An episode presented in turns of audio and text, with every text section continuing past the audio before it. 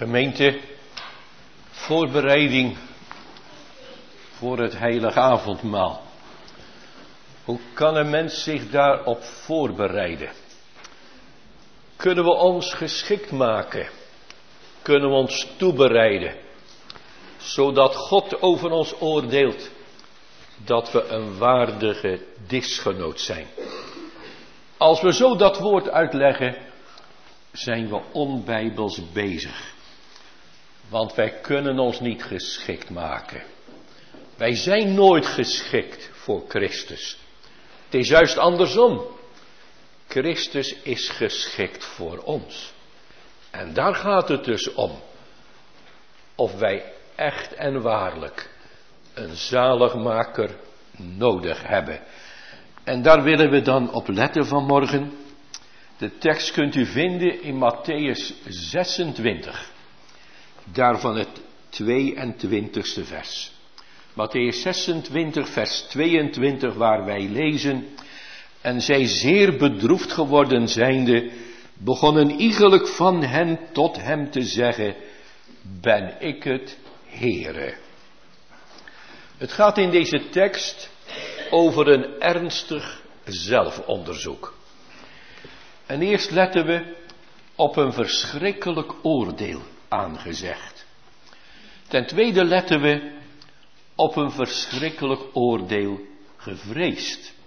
En tenslotte letten we op een verschrikkelijk oordeel ontkomen. Een ernstig zelfonderzoek. En eerst staan we dus stil bij een verschrikkelijk oordeel aangezegd. Reeds bij de voetwassing had de Heer Jezus gezegd, gij zijt rein, doch niet allen. En nu aan de paasmaaltijd spreekt hij zich duidelijker uit. Hij zegt, voorwaar, ik zeg u, dat een van u mij zal verraden. Eén van u. De verrader van de Heere Jezus is een van de twaalf discipelen. Eén van hen die nu met Jezus aan de paasmaaltijd zit, zal Jezus verraden. Wat is dat schokkend en wat is dat ontzettend. Er is er één onder de twaalf discipelen die een huichelaar is, die een geveinsde veinsde is. Er is er één, één onder hen die nooit zalig zal worden, die niet door het bloed van Jezus gewassen zal worden. Eén van hen zal niet door de gerechtigheid van Christus bedekt worden in het oordeel. Eén van hen zal openbaar komen als een kind van de duivel. Eén van hen zal de Heere der heerlijkheid verraden. En daarna in de eeuwige verdoemenis verzinken. Wat een boodschap gemeente. Allereerst voor Jezus zelf. Dat hij door het verraad van een van zijn discipelen de dood, de kruisdood zal sterven. De krijgsknechten zullen hem kruisigen en onbarmhartig de spijkers door zijn handen en zijn voeten slaan. Pilatus veroordeelt hem tot de dood. Maar zij kennen Jezus ten diepste niet. Maar één van u, zei Jezus, één van u zal mij het ergste aandoen. Eén van u, één uit de intieme kring, zal mij verraden. Wat doet dat pijn? Wat is dat lijden voor Jezus geweest? Eén van de twaalf, die aanschouwers zijn geweest van zijn heerlijkheid, van al zijn woorden en al zijn daden, die altijd met hem zijn geweest. Johannes zegt in zijn evangeliebeschrijving, Jezus werd ontroerd in de geest en zei, voorwaar zeg ik u, een van u zal mij verraden. Het heeft, heeft Jezus tot in het diepst ontroerd. Zijn zuivere natuur was ontzet over zoveel boosheid. Zijn zuivere reine mensheid huiverde bij de gedachte aan wat een van de twaalfen zou doen. Hij zou als een instrument van de duivel gebruikt worden. Hij zou zoveel kwaad bedrijven. Jegens zoveel goeds. In Jezus zal het worden vervuld. Wat we hebben opgezongen uit de psalm. Die met mij het brood at. Heeft tegen mij de verzenen verheven. De verrader komt uit de kring van de discipelen. Wat een lijden. En om dit nu al zo lang te weten. En dit al zo lang te verdragen. Het is Judas, de zoon van Simon, uit het dorpje Karioot, gelegen in Juda. Door zijn ouders heeft hij bij de besnijdenis de naam Juda of Judas ontvangen. En dat betekent die God looft. Hij is opgevoed bij de wetten van Mozes, bij de woorden van de profeten. Hij heeft als zoon van de wet onderwijs gekregen van de rabbi en heeft zich plechtig op twaalfjarige leeftijd aan God en aan zijn verbond verbonden. En toen de Heere Jezus Christus het land doorging, Galilea doorging en ook in Judea kwam, predikende het evangelie van het koninkrijk Gods en riep de tijd is nabij en het koninkrijk Gods is nabij gekomen. Bekeert u en gelooft het evangelie. Is Judas een van Jezus' volgelingen geworden. En hij is vooral aangetrokken door de boodschap. De tijd is nabij. Het koninkrijk is nabij gekomen. Vooral aangetrokken door de gedachte dat het rijk van David hersteld zou worden. Dat die lang beloofde Messias, die koning was gekomen, die op de troon van David zou zitten en het rijk Gods op aarde zou brengen. Hij werd een van Jezus' discipelen. En hij heeft gedurende meer dan drie jaar alles gehoord wat Jezus gezegd heeft. En al die wonderen gezien. En als we denken dat Jezus zijn discipelen dikwijls apart nam. En hen de dingen in het bijzonder uitlegde. Hij heeft persoonlijk onderricht van Jezus genoten. Judas werd een belangrijke zaak toevertrouwd. Hem werd de beurs toevertrouwd. Want Jezus hield een beurs. Waaruit de armen werden welgedaan. En hij moest dat beheren. De schrift zegt dat Judas geldgierig was. De Bijbel zegt zelfs dat hij een dief was. Dus hij stal geld uit die beurs om zichzelf daarmee te verrijken. Judas zocht via de Heere Jezus een groot man te worden. Jezus zou koning worden over Israël. Hij zou op de troon van David zitten. Die dag zou spoedig aanbreken. En dan zou er ook voor Judas een plaats van eer zijn. En dan zou hij vooral tot rijkdom kunnen komen. Maar naarmate de tijd verstrijkt, begint Judas steeds duidelijker te zien dat er van dat koningschap van Jezus niet veel terecht zal komen. De leiders van Israël haten de zaligmaker.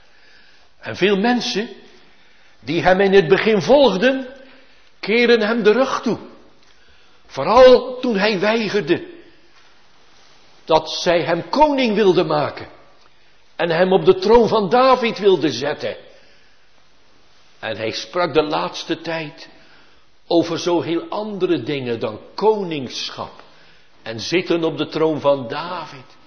Hij sprak over lijden en sterven, over kruisiging en dood. En dan komt er in het hart van Judas haat tegen Jezus. Haat tegen Jezus. Tegen de persoon die hij ziet als de oorzaak dat hij zijn idealen niet bereiken kan. Want hij had gehoopt via Jezus machtig en rijk te worden. En nu is Jezus de oorzaak dat die dromen niet vervuld worden. Dat die idealen geen doorgang zullen vinden. En zo komt er in het hart van Judas haat en ergernis ten opzichte van de Heere Jezus. En tenslotte wordt hij helemaal een prooi van Satan. Want we lezen toen voor, voer Satan in Judas. Je kunt de deur op een kier openzetten. Voor de duivel. Maar op de deur, de deur staat de deur zo wijd open. Dan neemt Satan helemaal bezit van je. Het kwam zo ver met Judas dat hij tenslotte Jezus verkoopt voor dertig zilverningen.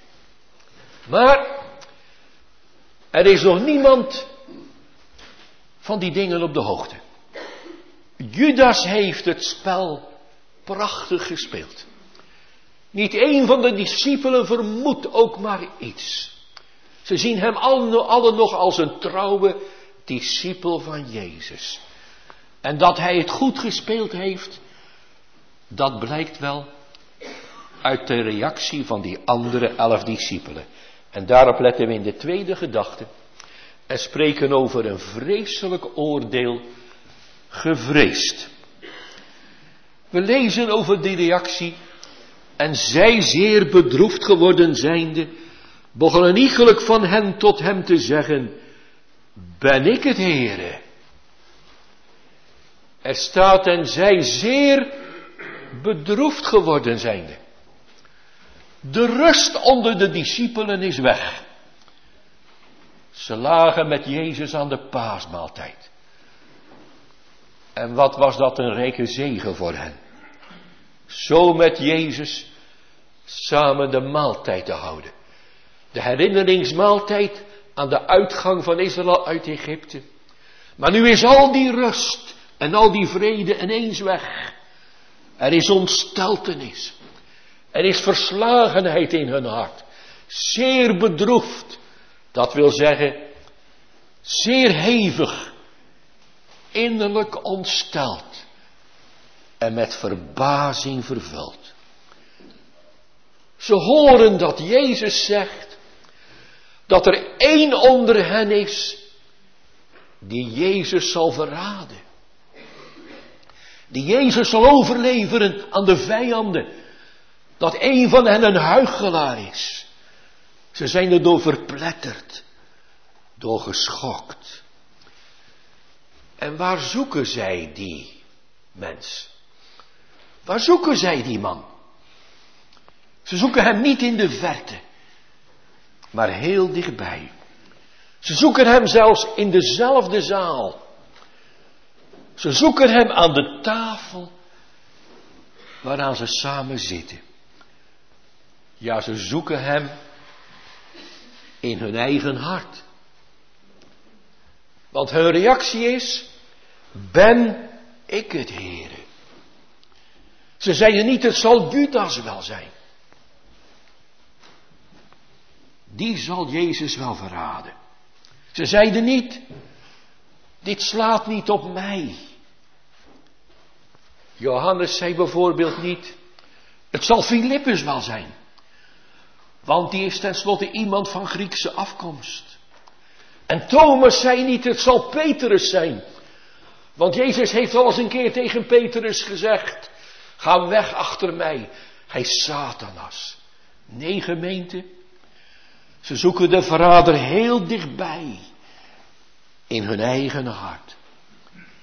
En zij zeer bedroefd geworden zijnde, begonnen iegelijk van hen tot hem te zeggen, ben ik het Heere. Wat krijgen we hier een blik in het hart van deze discipelen. En wat blijkt het dat dit diep eenvoudige, eerlijke mensen zijn. Hun hart ligt als het ware open voor Jezus. Maar ook blijkt dat deze mensen niet zo hoog met zichzelf staan. Het schokte hen ontzettend diep. Maar ze zeiden, zou het kunnen? Zou het kunnen dat ik dit ben? Ze hadden hun meester lief. En ze schrokken en deinsden ervoor terug. Voor hetgeen de Heer Jezus gezegd had. Eén van u zal mij verraden. Maar tegelijkertijd hadden ze zoveel kennis van de verkeerdheid en de boosheid van hun natuur. Dat ze in plaats van naar anderen te wijzen, vroegen ben ik het Heere. Gemeente, wij wijzen naar anderen. Wij oordelen over de avondmaalgangers. Dat is echt een kwaad wat leeft in onze kerk. Om de avondmaalgangers te wegen en te beoordelen. Te beoordelen soms op hun uiterlijk. Of te beoordelen op wat iemand wel eens een keer gezegd heeft. Of wat iemand wel eens voor verkeerd in vroegere jaren heeft gedaan. Wij kijken naar de avondmaalgangers. Wij beoordelen ze en wij zeggen, die hoort er niet aan. En die bedriegt zichzelf. Maar de discipelen hadden toch een beter deel. Die zijn bezet met zichzelf. Die hebben als het ware geen tijd om de oprechtheid van hun medediscipel te toetsen of in twijfel te trekken. Die trokken de anderen niet in twijfel. Die hadden genoeg aan hun eigen boze hart. En hun eigen boze bestaan. Ze schrokken van de woorden van Jezus en ze zeiden, ben ik het Heere? Wanneer Gods woord spreekt over mensen zoals Judas, en dat doet de Bijbel. De Bijbel spreekt behoorlijk dikwijls over bedriegers, over geveinsden, over huichelaars, over mensen die menen in te gaan maar niet kunnen, over dwaze maagden en dwaze bouwers, over Saul, die wel onder de profeten was, maar toch God niet lief had. Over Agrippa, die wel bijna bewogen was, maar toch geen christen werd. En over Bidian, die zeer verlicht was en een prachtige preek over Jezus heeft gehouden, maar toch Jezus met zijn hart niet kende. Gemeente, Wanneer de Bijbel nu over al deze dingen spreekt. Over zaad in ondiepe aarde. Over dwaze maagden. Over mensen die zich aan het avondmaal een oordeel eten en drinken. Over een ingebeeld geloof. Waar zoeken we dan die mensen? Die zoeken we in andere kerken. We zeggen, daar gebeurt dat. In andere kerken. Daar loopt iedereen maar aan het avondmaal. Daar zegt men wij zijn verbondskinderen. Jezus is voor ons allemaal gestorven. Maar in onze kerken gebeurt dat niet. Wij zijn nauwgezetter. En wij zijn ernstiger. En ook in onze kerken verwachten wij dat niet. Dat er naamchristenen zouden zijn en geveinsden zouden zijn. Wij zoeken die mensen altijd ergens anders. We zoeken die mensen naast ons in de kerk. Of met ons in de kerk. Maar de discipelen zochten die verrader in hun eigen hart. Dat leert ons de Heilige Geest om die in het eigen hart te zoeken. De naam Christen, de geveinsde, de huichelaar, heeft een afkeer van zelfonderzoek. Dat is meestal iemand die heel wat van zichzelf denkt. En die met Jehu zegt, zie toch mijn ijver. Zie toch mijn ijver voor de Heer. Maar oprechte gelovigen zijn bang voor zelfbedrog. Zij weten wat Jeremia zegt. Arglistig is het hart. Meer dan enig ding. Dodelijk. Wie zal het kennen? Zij vrezen ervoor om met een ingebeelde hemel verloren te gaan. Ze vrezen ervoor om met een ingebeeld geloof een schipbreuk te lijden. Zij bidden het gebed. Doorgrond mij, o God, en ken mijn hart. Beproef mij en ken mijn gedachten. Ben ik op een schadelijke weg? Leid mij op de eeuwige weg. Het zijn mensen die die vraag van de discipelen ook stellen. Ben ik het Heere? De vraag van de discipelen is het beste bewijs, het duidelijkste bewijs van de oprechtheid van hun hart. Want we zien dat die discipelen mensen zijn die het licht niet schuwen. En iegelijk die kwaad doet, haat het licht. En komt tot het licht niet. Opdat zijn werken niet openbaar zullen worden. Maar een ieder die uit de waarheid is, komt tot het licht. Opdat gezien mag worden dat zijn werken uit God gedaan zijn. En zulke mensen zijn de discipelen die het licht niet schuwen. Zij zochten naar de verrader. Bij het meest doordringende licht dat er maar bestaat.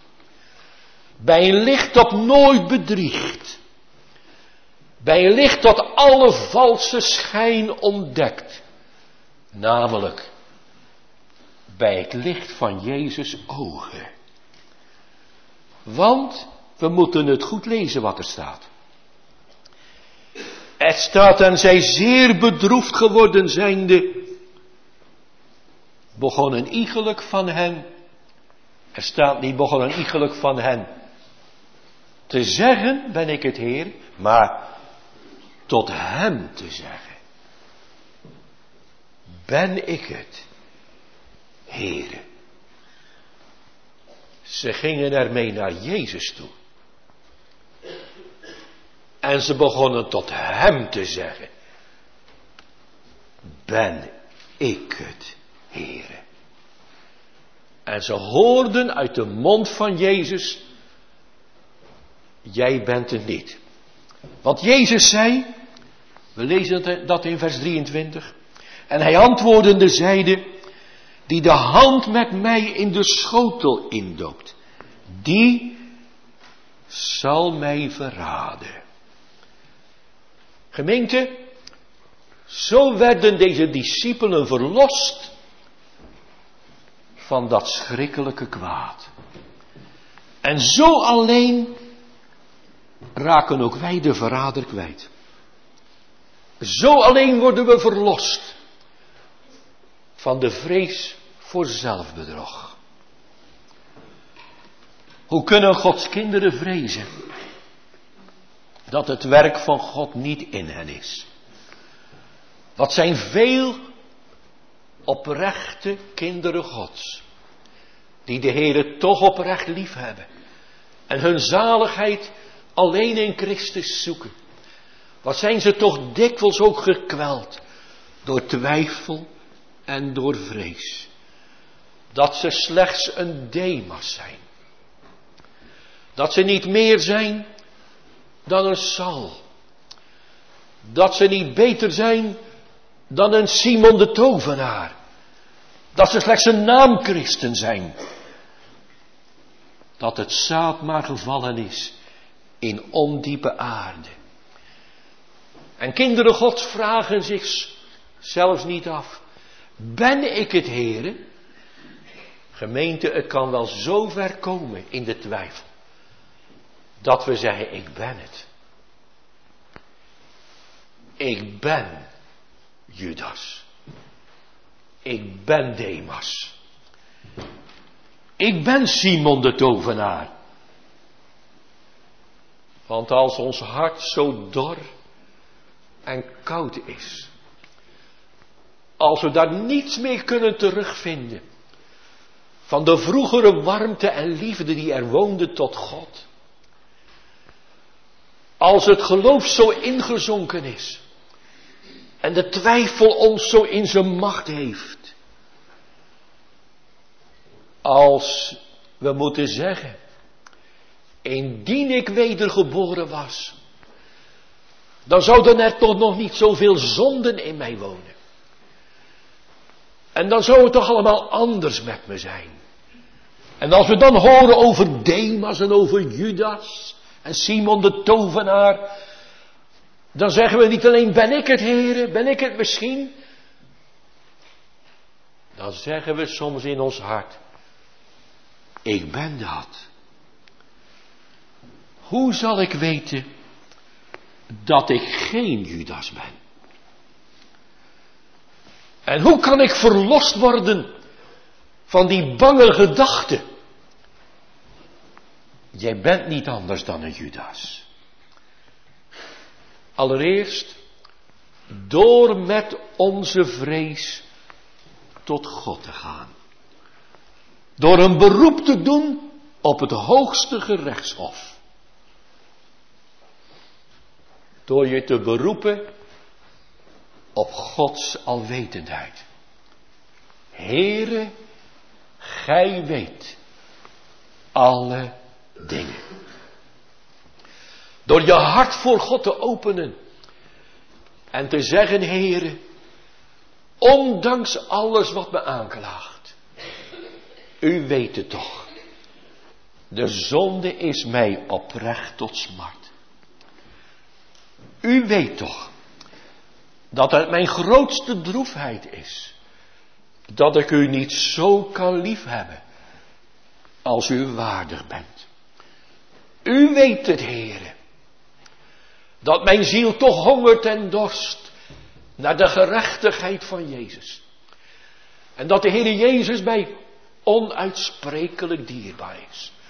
En dat ik me gelukkig zou achten, indien ik deel aan Hem zou hebben. Dat is de weg. Om verlost te worden van die bange vrees. Want wat zegt de apostel? Hij zegt, want indien ons hart ons veroordeelt. God is meerder dan ons hart. Hij weet alle dingen. En wat is dat een verlossing? Om dat tussen God en je ziel te beleven. Om te beleven, God, Heere, u bent meerder dan mijn hart.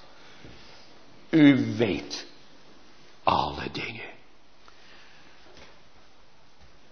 Nog nooit heeft een Judas zich voor dat alwetende licht geplaatst. Een Judas heeft die alwetende ogen van God altijd ontvlucht. Het tweede is, wij moeten met onze vrees en met onze twijfel tot het woord van God vluchten. Er is eens een heel belangrijke uitspraak gedaan door een zekere Archibald Alexander. Dat zal u niet zoveel zeggen, maar een heel bekende predikant is dat geweest, een paar honderd jaar geleden in Amerika.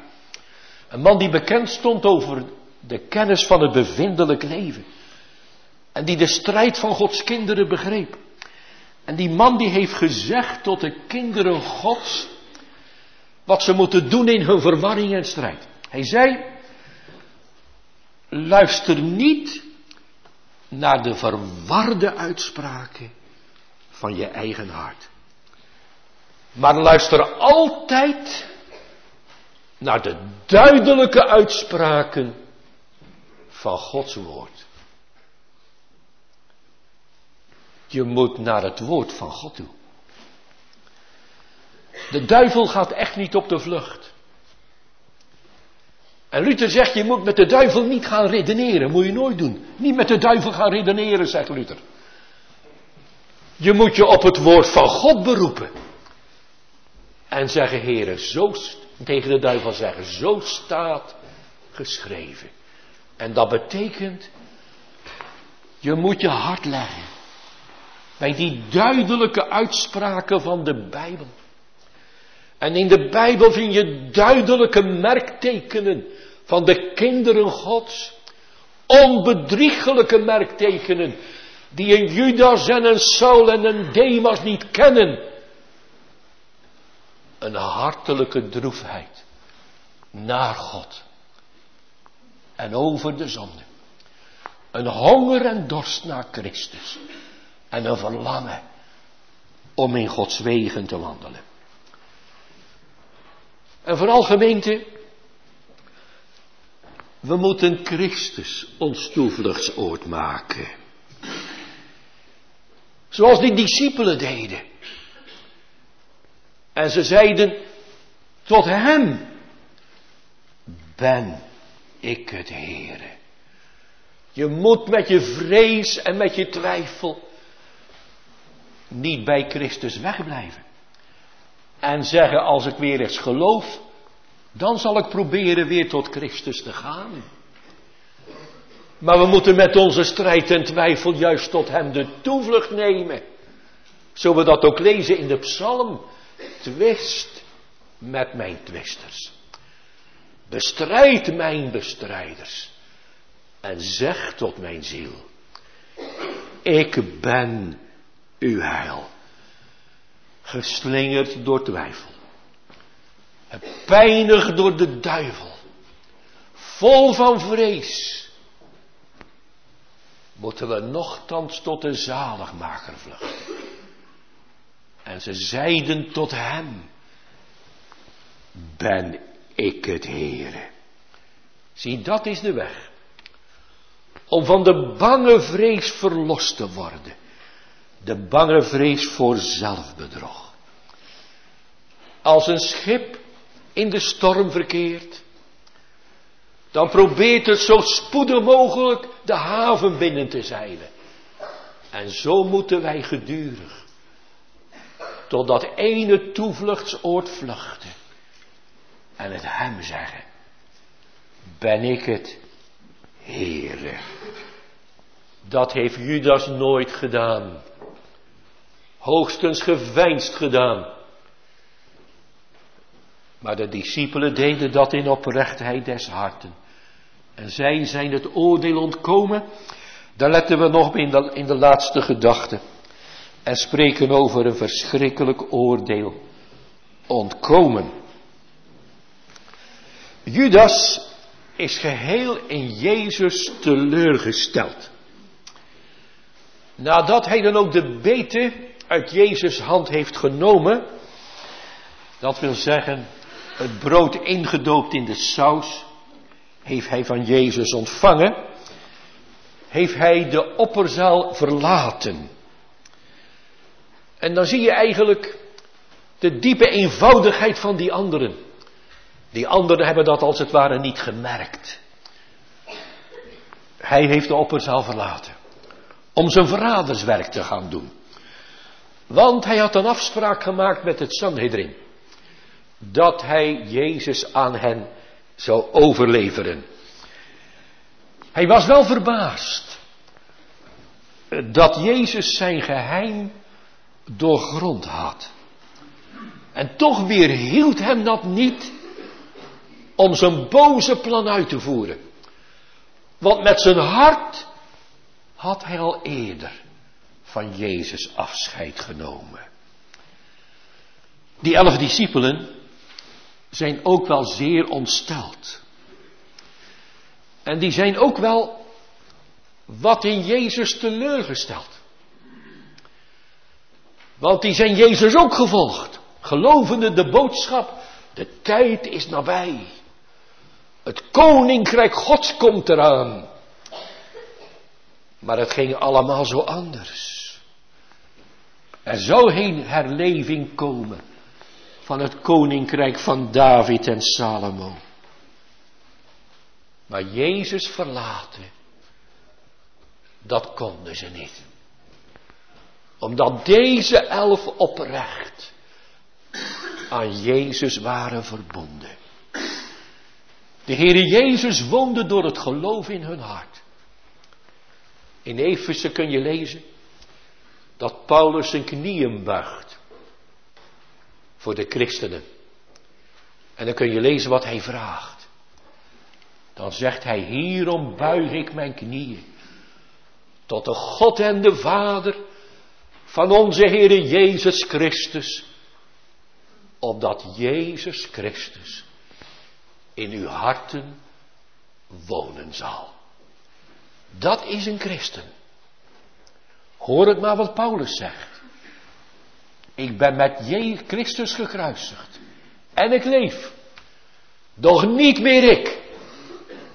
Christus leeft in mij. Dat miste Judas. En daar komt het nu voor ons op aan. Of deze gelukkige knoop tussen Jezus en ons hart gelegd is.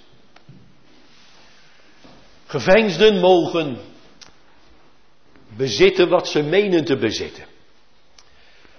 En mogen zich beroemen op hun ernst, hun rechtzinnigheid. Dat ze de dingen diep ernstig nemen. Of mogen oppervlakkig halleluja roepen en loven in de Heere. Maar ze missen de band aan de zaligmaker. Ze zijn nooit werkelijk ontdekt aan hun diepe schuld en verlorenheid. Zij zijn nooit een werkelijk boetvaardig, schuldverslagen zondaar voor God geworden. En hebben daarom ook nooit ingestemd met die hemelse verlossingsweg. Met de verlossing door het bloed van de dierbare zaligmaker.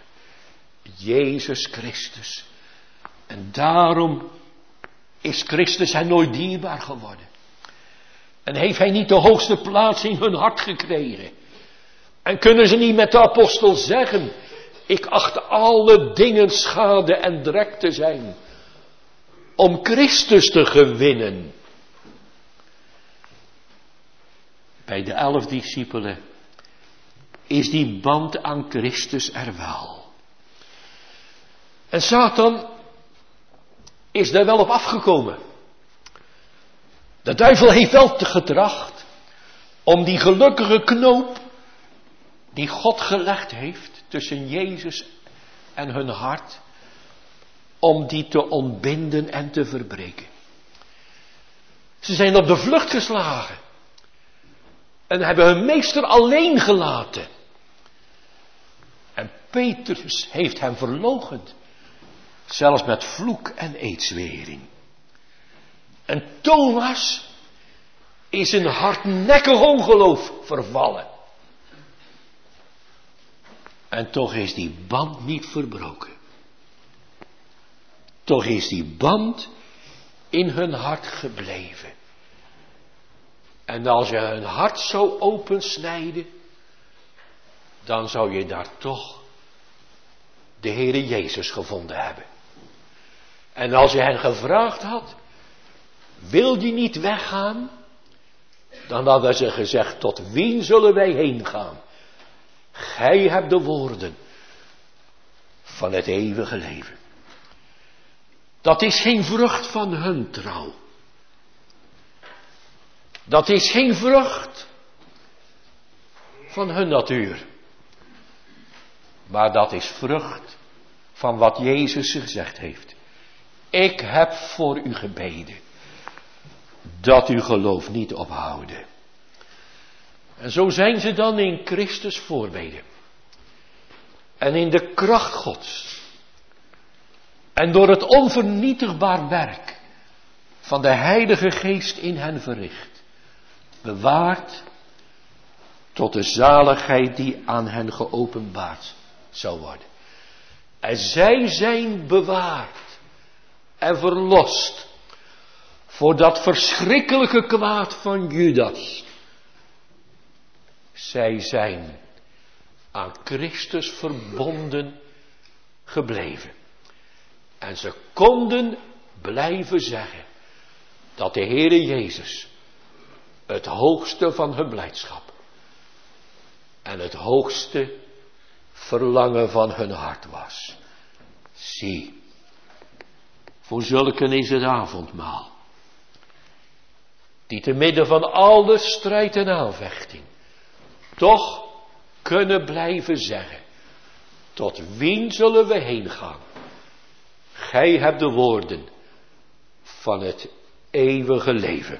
Gemeente, wanneer wij opgeroepen worden in de voorbereidingsdienst om onszelf te beproeven, kunnen en mogen we de vraag niet uit de weg gaan. Ben ik het Heere? Ben ik die naamchristen? Ben ik die geveinsde? Ben ik die tijdgelovige? En wanneer we over Judas horen en over zijn geveinsdheid, over zijn duivels verraad, dan moet u niet zeggen, dat staat ver bij mij vandaan.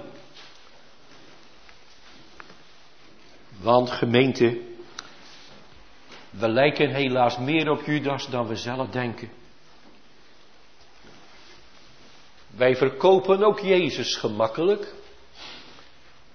voor een schotel linzenmoes, voor een afgod die we niet prijs willen geven, uit angst voor vrees en spot rondom ons. En verder moeten we bedenken dat de zonde bij Judas is gegroeid. Dat is niet ineens dat volle verraad geweest. Dat is gegroeid. Hij heeft tenslotte die ontzettende stap gedaan. En is naar het Sanhedrin gegaan. En heeft gezegd, wat wilt u mij geven? Als ik hem aan u overlever. Maar dat is stapsgewijze zo ontwikkeld. Van de zonde is wel gezegd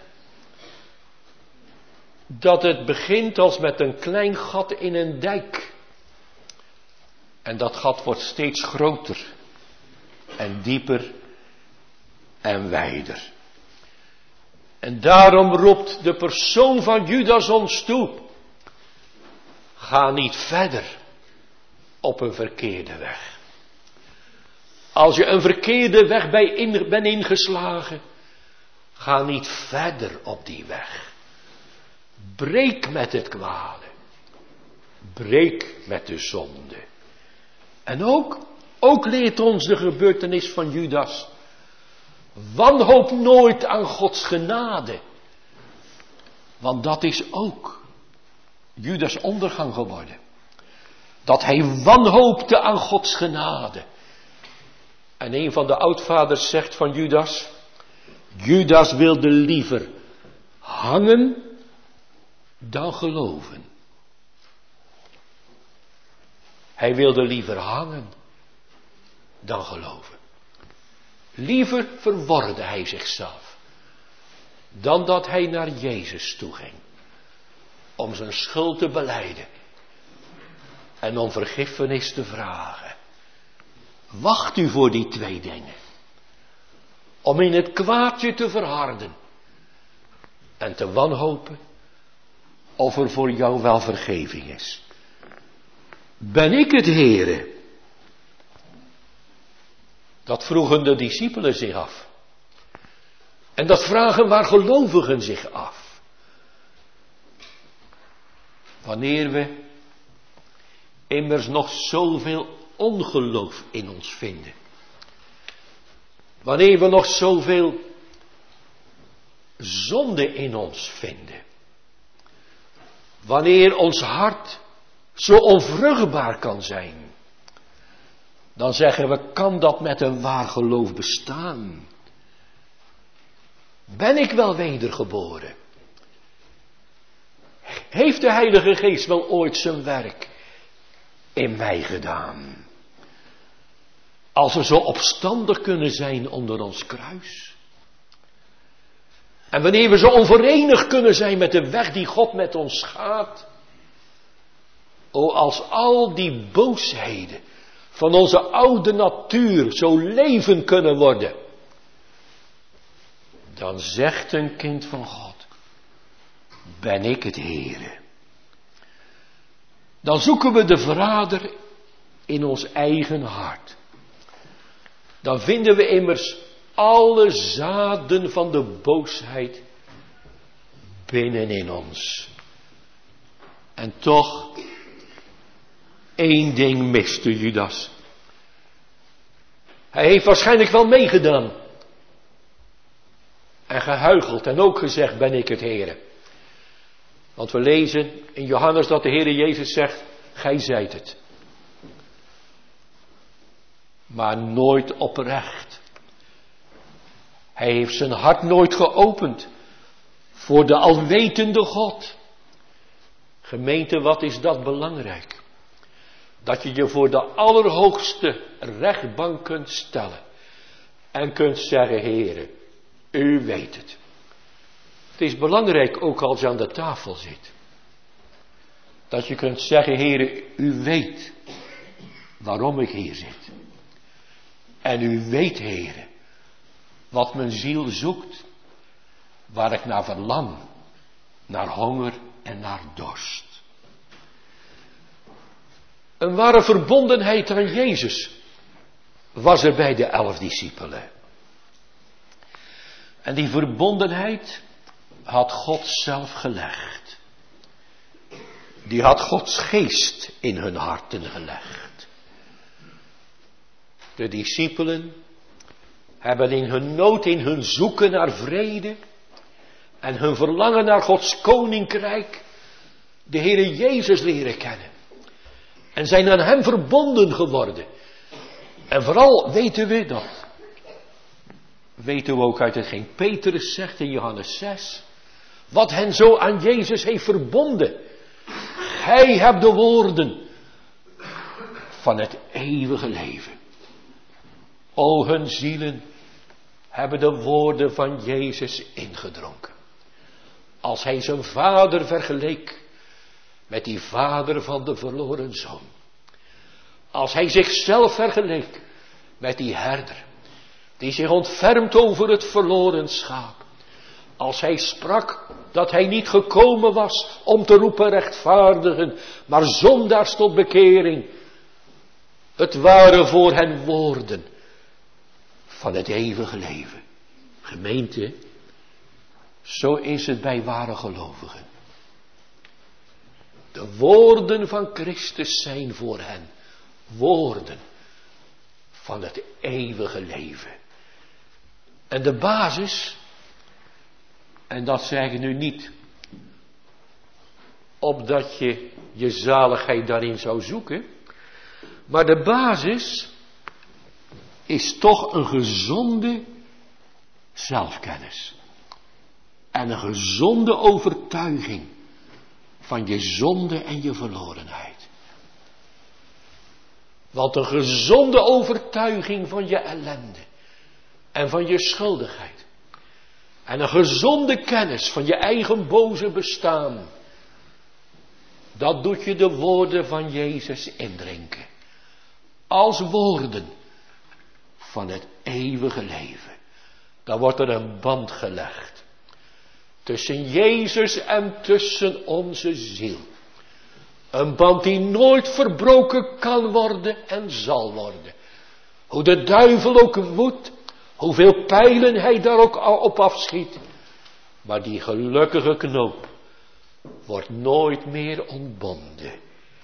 Ik heb voor u gebeden, zegt Jezus, dat uw geloof niet ophouden. Zie, zo moeten we onszelf beproeven. Als u dat nu leest in de Korinthebrief, een iegelijk beproeven zichzelf, wat staat er dan achter? Staat er dan achter en blijf veilig zitten. En bekommeren zich nergens om.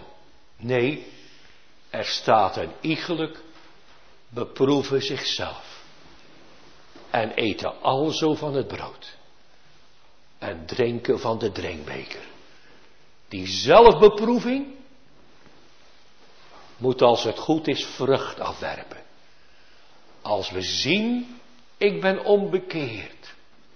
Ik sta daar buiten. Dan moet dat vrucht afwerpen. Het moet ons als een verloren mens naar God toe brengen. Opdat we alzo het brood zouden eten en de drinkbeker zouden drinken. Amen.